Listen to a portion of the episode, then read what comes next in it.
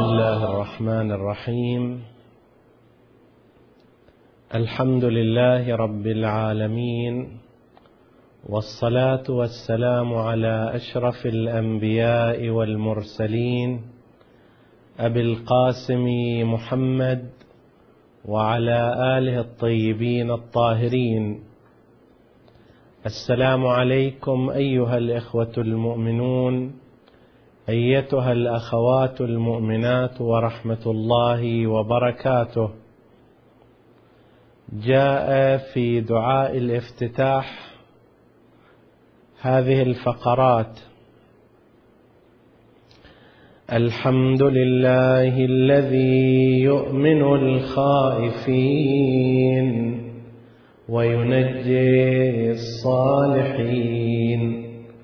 ويرفع المستضعفين ويضع المستكبرين ويهلك ملوكا ويستخلف آخرين والحمد لله قاصم الجبارين مبير الظالمين مدرك الهاربين نكال الظالمين.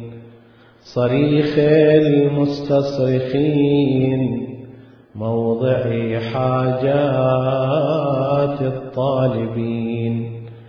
معتمد المؤمنين الحمد لله الذي من خشيته ترعد السماء. وسكانها وترجف الأرض وعمارها وتموج البحار ومن يسبح في غمراتها الحمد لله الذي هدانا لهذا وما كنا لنهتدي لولا أن هدانا الله.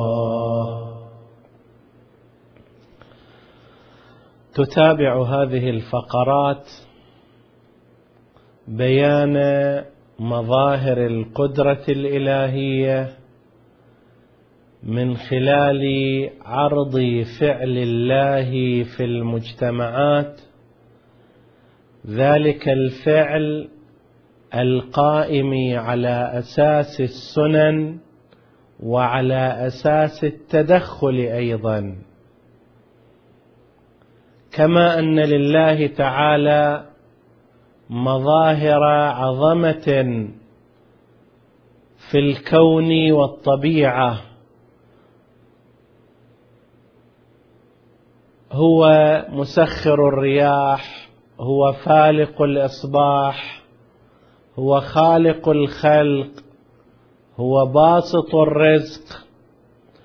كذلك فإن لله تعالى مظاهر قدرة تتجلى في المجتمع من خلال إرساء الله لسنن كونية تجري المجتمعات على أساس تلك السنن.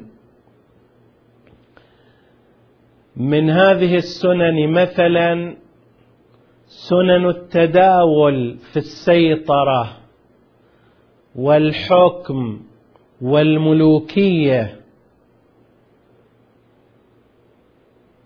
فإنه على أساس هذه السنة نحن نجد أن التاريخ البشري يمر بمراحل متعددة ودول متعاقبة بينما تكون دولة على رأسها حاكم أو حكام وتبقى لفترة من الزمان إلا أنها على أثر تخلي تلك الدولة عن سنن الثبات والاستقرار والاستمرار ومن أهمها العدالة الاجتماعية فإن هذه الدول لا تلبث أن تنتهي وإن أولئك الحكام لا يلبثون أن يندثروا. الله سبحانه وتعالى بهذه السنن يصح أن ينسب إليه أنه يرفع المستضعفين. إذا قام أولئك المستضعفون بمقدمات النصر. إذا تملكوا الإيمان وقاموا بالعمل الصالح واستمروا على المنهج وصمدوا عليه وقبلوا بالتضحيات فإن هؤلاء المستضعفين لما طبقوا سنة الله في الاستخلاف وفي رفع الاستضعاف وفي الانتصار لا يلبثون أن يرتفعوا وأن ينتصروا وأن يفوزوا على أعدائهم.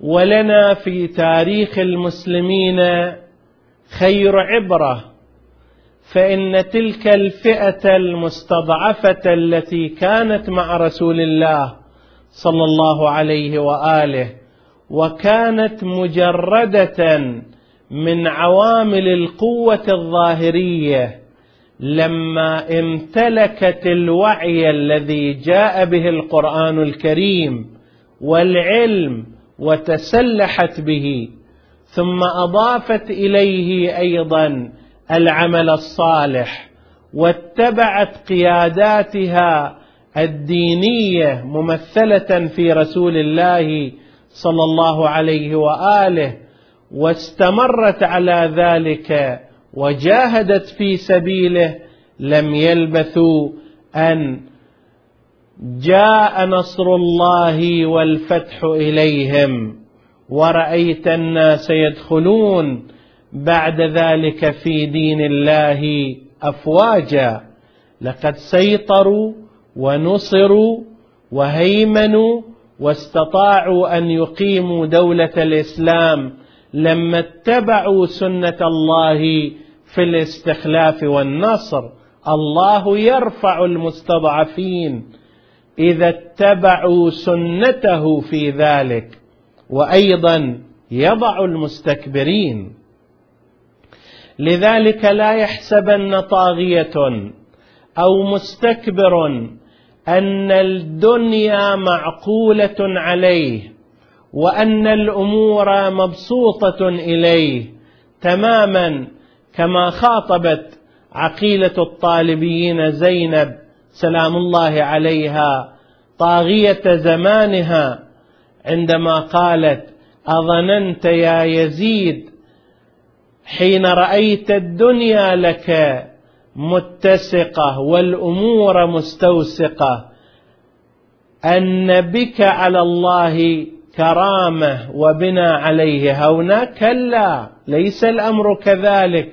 أنت في مسير تنتهي إلى الانهيار وإلى الضعة لأن الظلم لا يبقى ولا يبقي. وإن بقى بعد ذلك دمر الظالم. يضع الله المستكبرين لأنهم خالفوا سنن التمكين وخالفوا سنة البقاء وتحدوا هذه السنة فكان أن انهاروا وانتهوا. وفي التاريخ الحديث انظروا كم مر على هذه الأمة من طغاة تجبروا وتفرعنوا وقتلوا وظلموا واستكبروا لكن لم يطل بهم الزمان حتى وضعوا وحتى اتضعوا وانهزموا.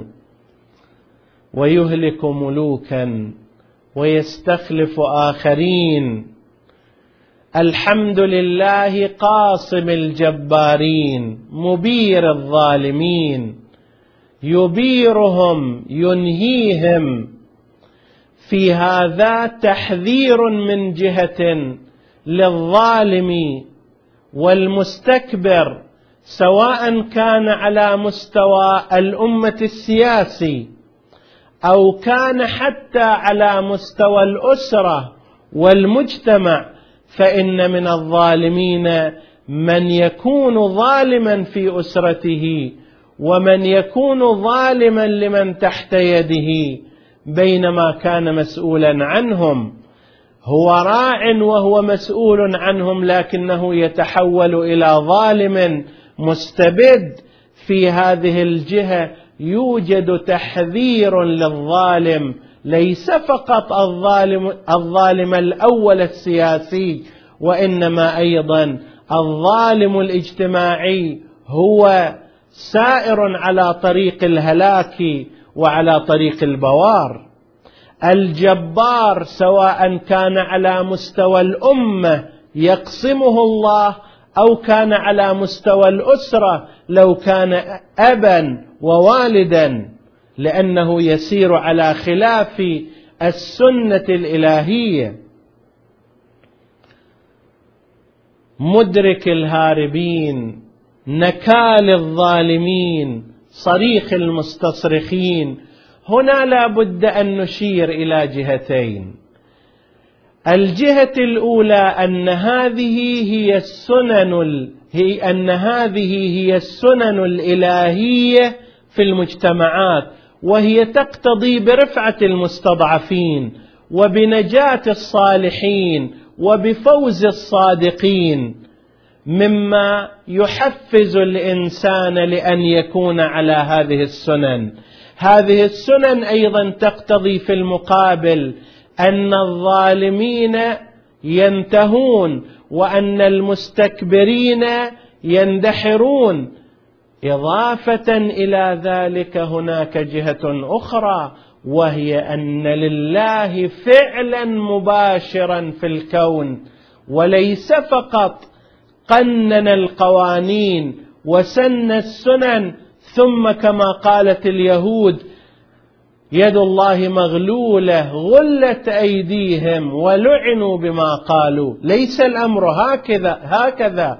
الكون لا يجري فقط على وفق برنامج كمبيوتري إلهي وإنما يوجد فيه هذه السنن ولكنها لا تمنع الله من التدخل مباشرة فإن الله يثبت ما يشاء ويمحو ما يشاء ويغير ما يشاء ويبدل ما يشاء ويطيل ويقصر ويعز وينصر ويرفع ويخفض.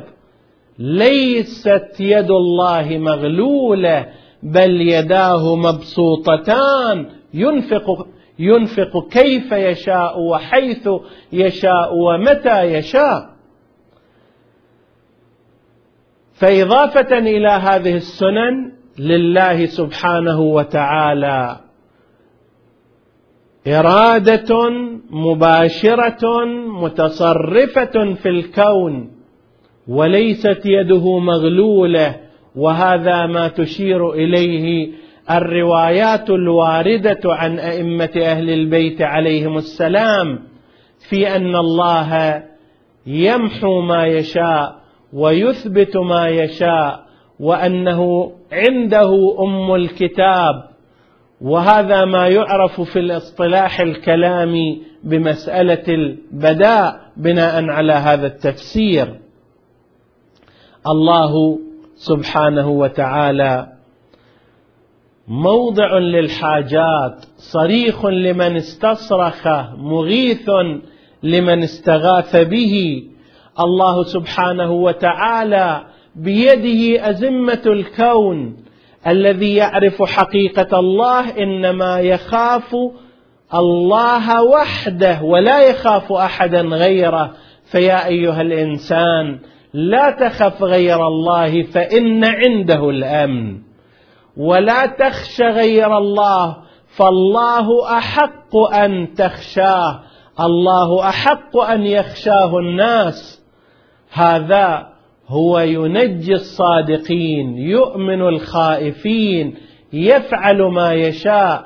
الحمد لله الذي من خشيته ترعد السماء وسكانها وترجف الأرض وعمارها وتموج البحار ومن يسبح في غمراتها. نسأل الله سبحانه وتعالى أن يوفقنا لطاعته وعبادته بعد معرفته. إنه على كل شيء قدير. وصلى الله على سيدنا محمد وآله الطاهرين.